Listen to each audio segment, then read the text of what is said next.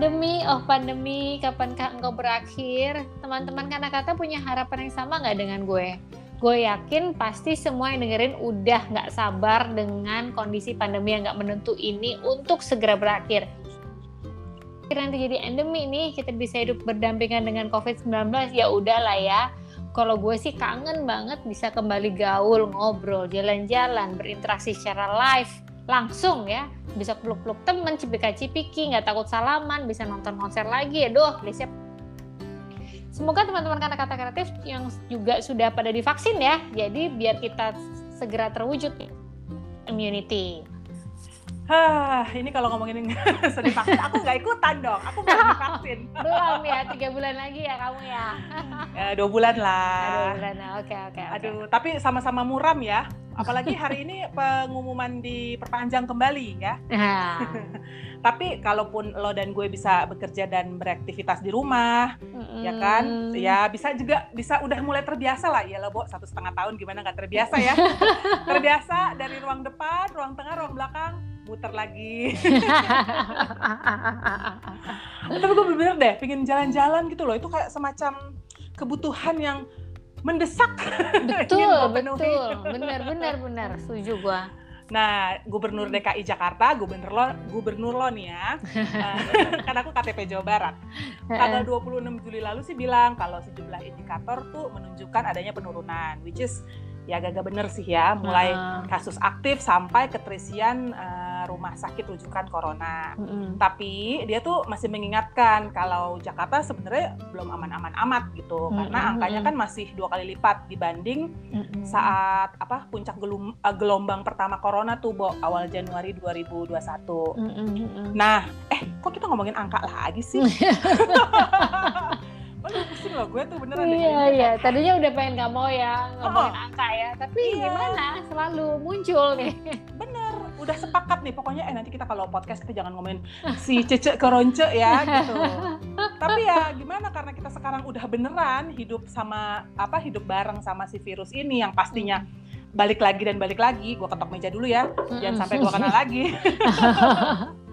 Termasuk ini yang akan uh, penting banget kita bahas nih sekarang ya. Kalau secara nggak langsung pandemi ini bikin kita ya, bikin gue dan Ruli juga teman-teman pelaku bisnis di luar, di luar sana itu jadi slowing down. Aduh, kurang slow gimana lagi nih kak? Aku bingung nih. slow? iya, saking slownya beberapa udah sampai berhenti berputar loh ini. Jadi maksudnya gimana nih definisi slownya nih akan Jangan jadi sesuatu yang, yang positif atau negatif nih? Jangan slow yang itu, slow yang itu masih dia, Bo.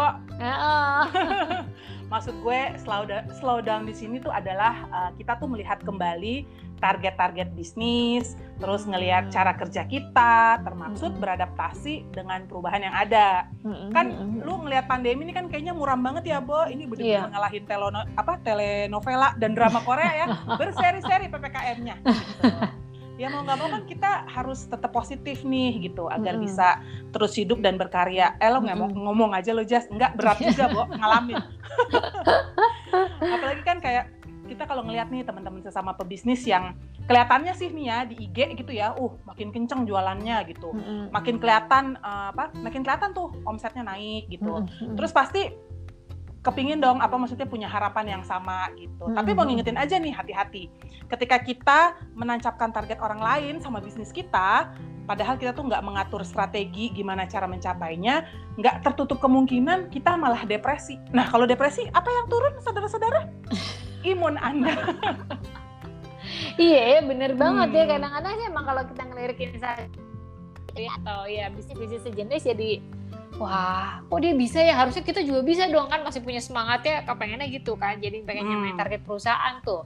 Sebelum pandemi dengan selama pandemi. Wah kalau memang kita akhirnya apa ber, ber berkiblat pada itu wah bisa-bisa stres banget kalau misalnya nggak kejadian. Jadinya malah bener sih stres juga. Nah tapi menarik sih Jess ketika lo bilang mengenai bagaimana kita dan bisnis kita yang jalani ini memang harus beradaptasi ya sebenarnya sih kan ada nggak ada pandemi bisnis kita emang harus beradaptasi dan relevan Kita sudah oh. bolak-balik bilang gini kan ya. Hmm. Nah, gue jadi ingat nih di salah satu artikel di Harvard Business Review tahun 2017 membahas bagaimana cara bertransformasi digital itu berjalan dengan sangat cepat dan tidak ada industri yang imun alias tidak terkena dampaknya.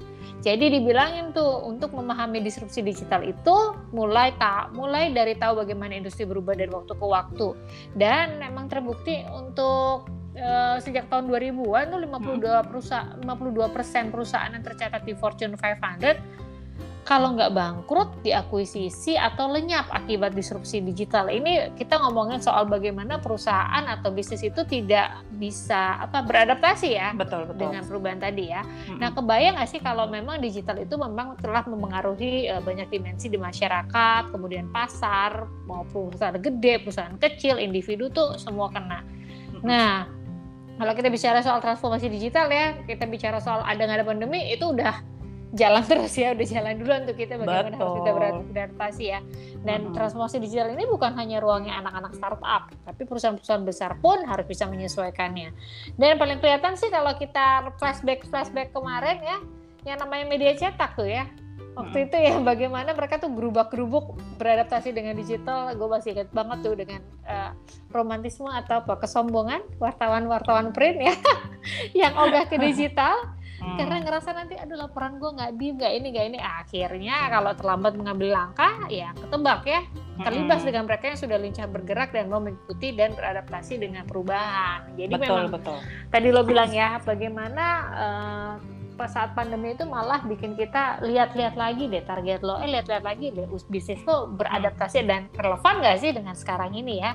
Betul. Ini pandemi ini kayak mempercepat uh, ini juga ya, mempercepat kemampuan lo beradaptasi gitu. Oh iya, memaksa ya. ya. Uh, uh, maksudnya dari segala lini kehidupan, gak usah ke bisnis dulu deh. Kalau misalnya gue lihat keponakan gue sekarang uh, wah gila anak-anak SD udah udah ngezoom apa segala macam kan kayak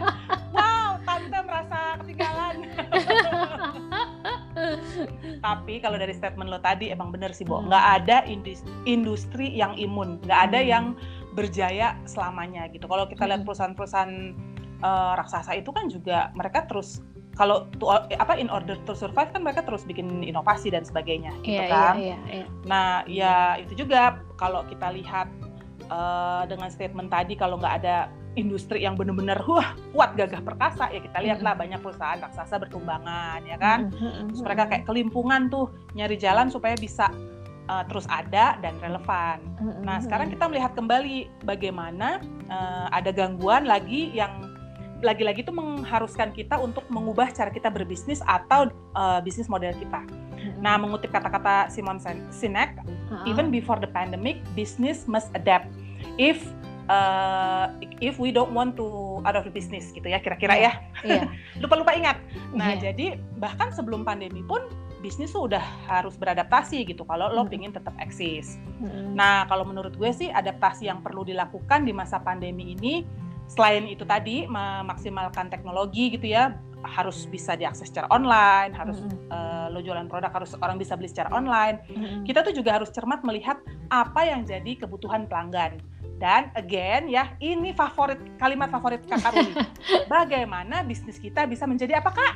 Solusi. solusi. Yes. solusi, benar. Bisnis harus mendatangkan solusi gitu. Kalau enggak ya ya bakar duit aja gitu nggak sih? eh tapi ya beradaptasi itu nggak melulu soal ganti bisnis gitu loh. Maksudnya mentang-mentang uh, wah ini udah terjelas nih gue harus buru-buru ganti bisnis. Orang jualan masker, gue harus jualan masker gitu. Hmm. Misalnya atau misalnya lo tadinya jualan baju, udah deh gue kayaknya lihat sekarang jualan makanan. Paling udah gue jualan ya? makanan deh gitu. Nah, pivot itu bisa aja dalam bentuk yang lain misalnya hmm. tadi lo jualannya tuh oh toko fisik ya rukonya uh. gitu kan beruko-ruko gitu dengan hmm. beberapa orang karyawan gitu hmm. nah sekarang dengan lo beralih menjadi toko online secara lagi ppkm juga ya bo lo buka toko hmm. kagak ada yang lewat yang ada didatengin satgas jadi bisa juga nih misalnya pivot lo apa oh ya udah deh gue jual ruko gitu atau gue ngurangin karyawan perampingan hmm. dia operasional sedih sih sebenarnya ngurangin Iya. Gitu. Tapi kan yang penting bisnis tetap jalan, gitu kan. Mm-hmm. Nah, barang yang dijual misalnya uh, apa namanya tetap baju gitu mm-hmm. kan. Atau misalnya yang paling jelas nih gimana restoran-restoran favorit yang tadinya cuma eh sorry kita cuma makan di tempat ya nanti kalau makan di luar mengurangi cita rasa gitu kan sekarang menjual produk mereka secara frozen Iya. ya kan lengkap So- dengan bakulnya jadi lo bisa meng apa menghadirkan Nge-recreate suasana iya ya kan bu ada juga tuh yang jualan bakwan Malang sama apa tuh Dendangnya panci-panci ya. sama dendang eh kok dendang sih dandang Iya. sama dandangnya gitu loh. Terus yang gue sedih tuh yang sempet juga tuh eh, beredar di mana di sosmed yang Mm-mm. yang restoran-restoran yang akhirnya pegawainya tuh kayak jualan pinggir jalan gitu gitu loh. Hmm. Untuk Ya itu tadi menangkap konsumen yang nggak bisa dine in di restoran. Sedih, cuma ya memang you have to do what you have to do gitu ya nggak sih? Iya iya, perbankan juga sama ya, nggak usah deh kalau lo nggak perlu lah ketemu sama mbak-mbak teller gitu untuk setor Hmm. uang, tinggal ke ATM aja, segala transaksi juga pak eh, juga bisa pakai SMS atau internet banking ya. Memang sih bener juga ada beberapa yang struggling banget nih untuk beradaptasi selama pandemi berkepanjangan ini, yang utamanya berupa service ya. Mm-mm. Mungkin kalau salon gitu gue lihat sih mereka jadi ketat memperlakukan by appointment untuk si kuesioner dulu si apa namanya perjalanan lo seperti baru boleh untuk masuk situ kemudian juga alat-alatnya semua didesinfektan dan tamunya juga dibatasi jadi begitu tamu pulang semua disemprot-semprot gitu ya Mm-mm. kursus ba- tari juga beradaptasi ya dengan melakukan semua dengan secara online walaupun ya kalau gue lihat sih tantangan terbesarnya di jaringan sih ya Betul. kalau misalnya lagi ngadat gitu kan misalnya lo ikut les nari gitu lagi ngedance itu terus nge-lag Loh. gitu kalian udah berapa mungkin gurunya udah udah five six seven ini masih one two one two. nah kalau pengalaman gue, gue emang lihat sih ada gak usah nari, Bo, yoga juga. oh, gitu. Aduh kok lama ya? Campus.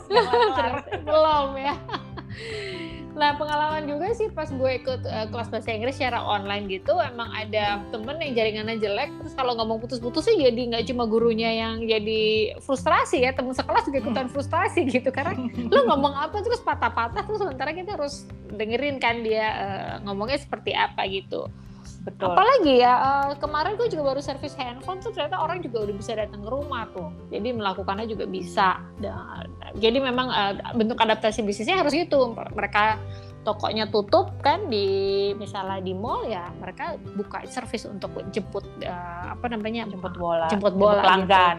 betul dan mungkin eh, bengkel gue rasa juga masih agak sulit ya. Apalagi bengkel apa kayak yang tambal ban gitu kan nggak mungkin online ya. Tambal ban online. Susah. Ya datang kali sih montirnya. iya montirnya. Makanya gitu kan emang harus beradaptasi. Tapi kalau tam- tambal tambal ban pinggir jalan kan nggak bisa ya bu orang lo lagi jalan. Ini ban lo kempes kan nggak bisa online gitu. Wah naruh paku-paku juga nggak ada yang lewat. Anyway ya sih seperti tadi Hmm. seperti bilang sama Om Simon ya mau Hmm. pandemi nggak ada pandemi bisnis mestinya sih nggak statis alias dinamis. Sekarang mungkin bisnis teman-teman juga lagi meredup bisa jadi ini kesempatan untuk lihat lagi nih apakah saatnya untuk mengubah model bisnis katakan nih ini bisa jadi sesuatu yang berarti dilakukan atau malah menakutkan tapi penting dilakukan untuk membantu memastikan bisnis ini akan bisa lanjut atau memang lo uh, ya mungkin emang harus berhenti aja gitu ya. Jadi Mm-mm. tapi lo kemudian bisa menentukan langkah berikutnya gitu, nggak kelamaan berkubang pada kesedihan dan kesulitan lo ini. Dunia udah berubah, masa kita nggak ikut berubah ya? Tapi kalau gue lihat sih memang setidaknya ada empat ciri nih kenapa bisnis anda, anda, anda semua ini perlu untuk diubah. Apa tadi, Kenapa? Jess? Oh lo Lo gue. Iya dong. Kan gue tahu. lo Kenapa pasti- ya? Kenapa kita harus mengubah bisnis? Eh, ciri-cirinya. Pertama, kalau misalnya bisnis yang kita lakukan tuh nggak cukup untuk eh, menjangkau pelanggan. Mm-mm. Dalam arti misalnya dari tahun pertama sampai tahun ketiga, ya pelanggannya itu-itu aja. Itu red flag tuh ya. eh tapi bukannya bagus ya kalau ada repeat, repeat order dari klien lama? Bisa iya gitu ya. Tapi kalau mau sampai kapan kita bergantung sama pelanggan setia gitu. Mm-mm. Kita bisa juga mulai dengan menganalisis kembali cara kita berkomunikasi dengan calon pelanggan, Hmm. baik langsung atau di media sosial. Cek juga deh apakah jasa atau barang tersebut cocok atau sudah jadi solusi uh, atau uh, memberi nilai gitu kepada Hmm. calon pelanggan yang kita tuju. Mm. Nah, bisnis yang naik kelas tuh nggak melulu diukur dengan punya cabang di mana-mana gitu ya, Hmm. harus grande gitu, Iya. dengan ratusan bahkan ribuan karyawan, Buset, kayak pabrik. Eh, tapi selalu memiliki pelanggan baru adalah salah satu kewajiban untuk melangsungkan bisnis Anda. Nah, kalau nggak ada pelanggan, siapa yang akan membiayai bisnis? Yeay, gitu. Jadi petakan kembali nih, apakah bisnis kita akan terus menjawab eh, konsumen yang itu aja gitu ya, konsumen lama, atau kita mulai reaching out nih untuk menjangkau pasar baru. Iya, iya. Pasar iya. yang baru ya, kalau pasar baru di Danau Garing. Ih, kamu rindu jalan-jalan pengen beli kain Iya ya. nih, gara-gara di rumah aja. Ih, gue tuh udah lama banget nggak ngeliat mall. Mungkin nanti gue kalau ketemu mall berbunga-bunga. nah, yang kedua ya, eh, lo tuh sebagai pemilik bos bisnis itu nggak fokus atau nggak apa nggak cukup spesifik gitu. Siapa di antara eh, teman-teman sekalian yang bisnisnya palu gada ya? Apa lu mau gue ada? Nah, gue juga sebenarnya karena kata agak mirip ya. Iya, sempet kita ya Sempet. Yami. karena kata tuh sempet jadi palu gada kan kita ngomong begini kan karena berangkat dari pengalaman gitu. Betul, ya kan jadi kita betul. bisa sharing Mm-mm. nah waktu itu kami tepatnya gue ya ngerasa perlu itu mm, perlu banget gitu untuk menyediakan service ABCD gitu ya kan? Bisa ini enggak Jess? Bisa bisa ini enggak Jess? Bisa tinggal ruli keriting gitu. Aduh ini gimana gimana gitu kan? Nanti kan gue dulu mikirnya bisa aja dulu tapi seiring berjalannya waktu eh, kita tuh jadi menemukan ya nggak sih Rul apa yang Iya. sebenarnya menjadi juara deh dari servis yang ditawarkan oleh Kanakata. Nah, di situ Mm-mm. kita juga jadi tahu nih, oh oke kelebihan gue ini, juaranya ini, dan memang kita expert di situ. Jadi kita mengubah bisnis model kita gitu. Mm-mm. Sehingga kalau ada orang nih yang nyari, eh eh, apa namanya bisnis eh, publishing ya, custom publishing yang berkualitas dari hulu ke hilir, mulai dari konsep, penulisan, desain, apa print online, ke mana ya? Ya ke Kanakata Mm-mm. gitu jadi fokus gitu kita Iya, eh, iya. kita dalam apa konteksnya produksi konten gitu Mm, karena mm, katanya mm, bisa bantuin jualan buku nggak enggak udah udah sadar ya kita ya Enggak. gada, tapi eh, enggak enggak tapi eh, ya apa namanya karena core kita memang nggak di situ. Dulu sih kita masih kepengen kepengen bantu Oh, oh, gitu benar, ya. Ih, benar benar. bisa begini begini begini gitu. Ah, secara hitungannya oke nih gitu. Mm-mm. tapi oke kita nggak kita nggak bisa jualin buku. Tapi kita bisa memberikan rekanan terbaik gitu. Namanya kita Hmm. juga udah lama di industri ini kan. Betul betul gitu. betul. Jadi kita punya jejaring. Nah, terus aduh eh, apa namanya eh, produknya dibikinin karena kata, bikinin event dong. Tapi kan lagi Mm-mm. PPKM, ya udah event online deh gitu. Oh, Karena lengkap kata bisa dengan nggak? zoom segala macam Hmm. gitu ya fasilitasnya lengkap Mm-mm. gitu ya Karena kata bisa nggak? Bisa, tapi konsepnya karena kalau ke eksekusi ya monggo ke yang lain. Siapa? Iya, Ada rekanan ada, kita juga. betul gitu. betul betul dengan benar. peralatan yang Mm-mm. udah canggih dan Mm. kita udah sering kerja bareng gitu. Iya. Nah, pelajaran penting yang gue dan Ruli dapet pada fase tadi adalah eh, kalau kita jadi terlalu general tuh kita akan tenggelam gitu loh dengan pemain yang lain yang udah lebih unggul, mungkin modalnya juga lebih banyak, jejaringnya lebih luas di bidang mereka masing-masing Mm-mm. gitu. Ya nggak sih? Soalnya kan Iya, kayaknya iya. Palu Gada ini kayak berusaha untuk memenuhi kebutuhan konsumen yang yang nggak mungkin banyak iya kan. semuanya kepengen dipenuhi Mm-mm. ya soalnya ya Bener, ya, jadi lo cek-cek lagi deh gitu Ah. produk atau jasa apa yang menjadi andalan eh, kalian gitu. Mm-mm. Nah, yang paling laris, yang paling dibutuhkan konsumen dan yang lo yang paling mantap gitu ya mengerjakannya Mm-mm. gitu. Ya udah lo eliminasi aja yang doesn't work gitu loh. iya Nah, betul dengan begini kan lo tuh jadi bisa fokus mengalirkan energi sama jasa atau produk yang memang udah berhasil gitu. Nah, ih ngos-ngosan juga. Gimana kalau dua ciri lanjut selanjutnya Anda yang eh, berbicara, Kak Karul? baik baik ketiga, yang baik. ketiga. ya yang ketiga ya jadi eh, kita mulai mempertimbangkan model bisnis ini ketika peta industri eh, juga udah mulai berubah nih nah kan banyak faktor luar yang kita nggak duga dan bisa mempengaruhi bahkan memporak-porandakan bisnis kita contohnya yang jelas ya pandemi ini kan Mm-mm. kita mana kepikiran sih akan ada badai itu atau hantaman tuh segini nggak ada yang siap ya Betul. dan banyak makanya banyak perusahaan terpaksa gulung tikar karena emang nggak bisa nggak bisa cepat beradaptasi mau beradaptasi kayak gimana tetap wah nggak bisa deh Nah gitu kan. Jadi apalagi udahlah nggak bisa cepat beradaptasi, tapi masih bertahan nih dengan mengandalkan cara kerja yang lama. Waduh. Jadi kita kita bisa gitu kan, oh nggak nih ini kayaknya cuma sebentar deh. Pandemi cuma dua minggu, kita, dua minggu.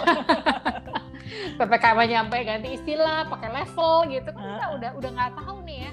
Nah itu kalau misalnya kita apa terlalu insist dengan cara kita yang lama, udah lama-lama kapital kita habis ya, modal kita bisa habis kan. Nah, betul pebisnis ini perlu jeli nih melihat perubahan-perubahan yang terjadi. Mungkin ya kita akan wah ter terjungkal-jungkal gitu ya, kepontal-pontal gitu. Nah, uh, apa sih? Apa ya? Terpental-pental. Apa? Tunggang.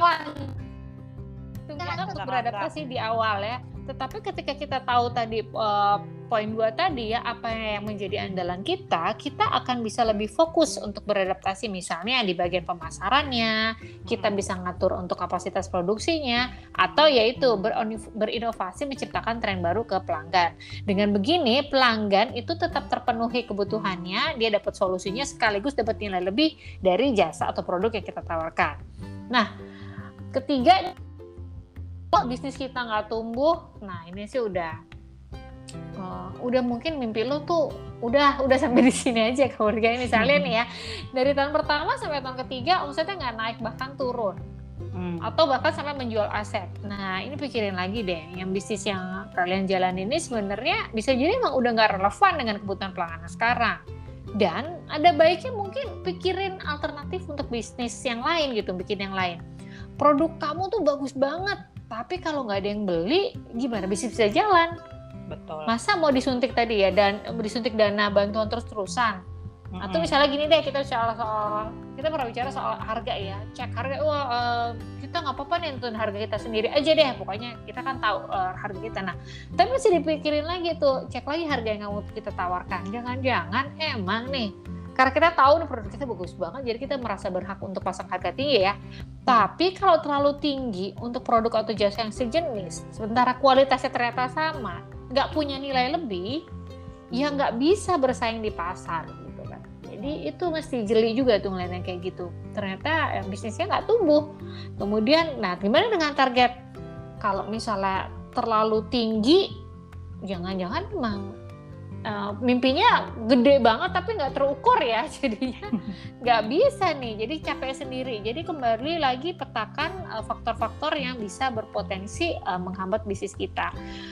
Memang oke okay lah jangan jadi keburu-buru juga oh harus ganti bisnisnya apa ya? Gitu. Pivotnya langsung ganti bisnis itu uh, enggak juga. Tapi gue rasa sih pada tahap ini uh, lu mesti step back dulu pelajari lagi uh, pasar tren kebutuhan pelanggan dan bagaimana lu tuh bisa jadi solusi. Balik lagi ya kalau bisnismu misalnya yang sekarang ini adalah um, oke okay lah jualan tas ya toko offline terasa tutup, operasional tinggi, jadi nggak ada budget untuk bikin, uh, mungkin juga lo nggak ada budget untuk bikin website sendiri. Nggak usah maksain, masukin aja produknya tuh di marketplace ya kan. Betul. Dan begitu tiba dengan produk kita, fokus aja gimana um, pilih lagi tuh produk kita mana sih model tas yang jadi unggulan. Perbaiki juga itu kalau misalnya kita taruh produk kita di marketplace, deskripsi produknya tuh masih jelas ya. Nah bener, kadang-kadang nah. jualan oh ini gitu. Eh tapi gue paling sebel tuh kalau kayak gitu udah kagak jelas. Udah tuh kalau ditanya jutek iya. gitu kan. Bahannya apa sih? Pokoknya gitu kita pengen tahu bahannya apa sesuai gambar sis. Sesuai gambar gak bisa diraba. Ya kan? Kemudian juga kita juga mesti beradaptasi juga bagaimana untuk memasang iklan sesuai dengan budget di media sosial agar lebih dikenal gitu kan? Nah setelah itu beri ruang untuk inovasi. Apakah dengan model te, model apa dengan model tas yang lama kalau motifnya baru itu gimana ya? Kita bisa uji coba ke pasar. Atau perkenalkan uh, pada konsumen uh, tas masa kini yang misalnya sekarang itu ke mana-mana kan harus ada untuk hand sanitizer, tisu basah, tisu kering, masker apa? Tempat mak apa tempat apa alat makan. Ya mungkin tas yang sekarang tuh juga harus dilengkapi dengan yang seperti itu. Itu, itu kan adalah bagian dari um, inovasi ya gitu kan. Terus kemudian gitu kan oh tapi kan gue pengen uh, kantornya keren. It's udah deh nggak nggak bisa ngantor juga sekarang. Nggak usah pikirin juga uh, harus uh, uh, looknya tuh harus juara di depan dulu kalau misalnya kita sendiri sebenarnya dari dari bisnis kita sendiri kita belum mantep nih kita mau ngapain gitu kan. Lagian sekarang kan semua juga dilakukan secara online ya remote working kan. Hmm. Kemudian hmm, menurut gue juga penting lu benahin deh uh, cash flow alias keuangan yang sering jadi kendala karena keuangan pribadi keruan sama keuangan ke nyampur jadinya berantakan lah. Nah ini memang balik lagi lu masih tegas nih uh, bisnis. Ketika lo punya bisnis ya uh, keuangannya harus dibedain supaya nggak ganggu dua-duanya. Jangan sampai ketika bisnis lo kolaps lo jadi nggak bisa sekolahin anak lo. Padahal sebenarnya tuh budget itu sebenarnya untuk sekolah anak lo gitu ya. Ya namanya juga gitu ya. Tadi ya bisnis itu bon, apa bisnis model itu bukan sesuatu yang pakem ya. Maksudnya harus itu gitu enggak. Yang tidak harus solid banget ya apa se, se, sekaku itu selalu ada ruang untuk uh, ekspansi dan bertumbuh seiring berjalannya waktu. Dan transformasi bisnis itu sesuatu yang sangat wajar loh ya. Itu merupakan pertanda bahwa kita berusaha untuk selalu relevan dengan perkembangan zaman dan teknologi. Itu Betul. sih yes. kalau mungkin kalau zaman kita nih sekarang ngos-ngosannya karena terdampak pandemi gitu ya. Tapi kan kalau hmm. dari kalau gue perhatiin dulu teman-teman bokap gue yang pengusaha tuh juga ngos-ngosan juga gitu. Maksudnya hmm. memang begitulah ya seninya yeah. ber berbisnis gitu kan gitu. Cara-cara mereka ya di zaman yeah. Orba. Kan angkatan bapak bapak gue. Tapi ya memang sih kayaknya yang memang harus paling menyesuaikan adalah diri kita sendiri gitu ya. Hmm. Jadi manage your itu tadi manage your bisnis dan manage ekspektasi juga, Bo. Maksudnya yeah, jangan yeah, sampai yeah. lu baru lang apa lu baru jalan dua langkah terus lu ngeliat Instagram sesama pebisnis yang udah 20 ribu langkah. Ya beda ya, pasti lebih bersinar di sana kan. jadi pengen jadi segera kepengen menjadi part of the crazy rich Iya, Crazy Rich Depok sama ya, Crazy Rich Cibubur. Ya, itu belum ada tuh ya. Coba gue patenin dulu. Crazy Rich Cibubur benar-benar. Iya kan? Muncul deh, muncul kalau Cibubur udah ada. nah, itu tadi. Ya. Betul, tapi jangan lupa ya kalau bisnis oke okay, bisnis akhirnya beres nih ya sesudah perenungan. nah, skill juga perlu diasah kak, jangan hmm. sampai masih di situ aja gitu. Hmm. Kayak misalnya kayak kita, kita kan berangkatnya dari cetak kan, tapi kan hmm. kita jadi uh, along the way kita belajar oke okay, digital, kita belajar yang lain yang lain-lain kayak gitu. Hmm. Kita belajar hal-hal yang memang dibutuhkan oleh uh, target audiens kita sekarang gitu. Betul, Jangan sampai betul. di situ-situ aja. Malu dong, ya kan? Jadi kalau lu leader atau lu pemilik bisnis, ya lu sebisa mungkin ya menguasai uh, akuntansi dasar ya kan kalau gua baru lik hitung-hitungan suka ngitung bareng dua anak sastra harus ini ya harus iya. berhadapan dengan raca bener ya transfer aja kak Ruli nulis suka lebih murah hati ya murah gak teliti sampai terkaget-kaget hah besar banget apakah keuntungannya besar pas gue lihat Oke, ini nolnya kelebihan satu. Nol kelebihan satu tuh bahaya ya pemirsa.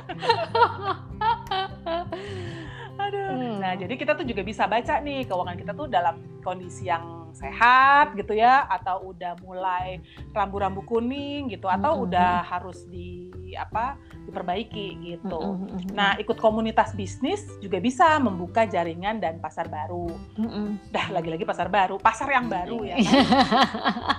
Aduh, tapi aku introvert nih aku males keluar-keluar. Nah, udah nggak zamannya lagi nih. Lu bisa kok nyetel introvert lo itu. bisa juga nih, lu cari mentor yang bisa membantu untuk mengembangkan bisnis. Nah, mentor itu nggak harus pebisnis juga gitu, bisa juga uh, dia menginikan lo secara apa namanya, secara mental kayak gitu gitulah ya, hmm, gitu. Hmm, hmm, Terus kuncinya ya itu tadi peka sama uh, lingkungan lo, peka sama kenyataan, sama kesempatan, sama kebutuhan konsumen yang belum dipenuhi nih. Kan itu berarti ada market tuh di situ kan? Iya, ada peluang iya, iya. gitu. Ya boleh juga sih sesekali kita lihat nih kelemahan kompetitor tuh apa sih gitu mm -mm, ya kan? oh dia bisa lemahnya di sini. Oke aku akan jual yang begini gitu. Iya iya iya iya. Iya iya benar benar benar benar Soalnya punya bisnis plan yang cakep banget di kertas tuh ya sia-sia juga kak kalau nggak diaplikasikan. iya ya, gitu. cakep banget di peta nih. Aduh gitu jalan. Aduh, kok terseok-seok gitu. Eh ngomong-ngomong nih, kayaknya tadi kita ngomongin slow down, slow down ya. Tapi uh, kenapa rasanya tuh jadi nggak cocok ini? kok malah jadi ayo kita harus gaspol bounce back kita sebagai pemilik bisnis harus apa namanya uh, segera. back stronger ya kan? Mentang-mentang baru menang olimpiade. Gitu. ini kayak nggak cocok deh slow down yeah. temanya. masih cocok lah. Kayak tadi kayak kita step back dulu kan. Slow down di situ dulu. Kita ngeliat dulu nih jangan digerasa gerusu gitu ya. Jangan buru-buru untuk menganalisis bisnis atau segera ngambil keputusan gitu ya. Nanti soalnya kalau evaluasi cepet-cepet hasilnya nggak maksimal oh ya hmm, waktu kita beda sama yang lain ya. Um, jadi work on your own pace aja. Menurut gue sih kadang ya itu memang uh, media sosial juga bisa jadi apa ya ya racun juga di in a way gitu ya kan. Kita melihat tuh indah banget soalnya. Jadi kita kepengen kepengen kepengen gitu. Tapi ya pengen sukses. secepat mereka gitu kan. Apalagi misalnya oh dalam waktu tiga tahun sudah memiliki sekian ribu hmm. cabang kok bisa. Pensiun dini. Iya sebelum umur 30 ah gitu kan wow tertiap gitu ya mm -mm. ya kan kita pernah bahas tuh Yo, ya, ya prosesi dengan kemudaan mm -mm. ya gitu. Oke lah, jadi selamat merenung-renung. Berarti itu waktunya juga kami harus menyudahi podcast di episode ke-48 ini. Ya, uh, dan ya cek-cek lagi deh bisnis kita. Apakah kita punya ada strategi baru untuk bisnis agar terus berjalan atau memang mungkin saatnya um, ganti ganti haluan ganti arah ya. Nah kalau kamu pemilik bisnis yang juga pengen cerita tentang kegalauan atau keberhasilan kamu mengatasi krisis dan berhasil, dan Yeay. merasa perlu banget untuk dibagi kepada para pelaku apa ya pelaku bisnis pelaku muda bisnis. dan ini ternyata bisa jadi inspirasi ya dibikin buku dong jangan disimpan sendiri kamu bisa jadi inspirasi berikutnya loh ya jadi langsung aja kontak ke marketing@kanakata.co dan ketika cerita kamu bisa jadi inspirasi bagi pelaku bisnis yang lain, mereka juga bisa ngikutin jejak kamu loh melalui buku ya, mau bentuknya print atau online, terserah aja yang nantinya bisa diterbitkan bareng sama Kata-Kata Kreatif. Oke, okay. yes. saya dan Jessica pamit, sampai jumpa di episode berikutnya ya. Dadah. Bye.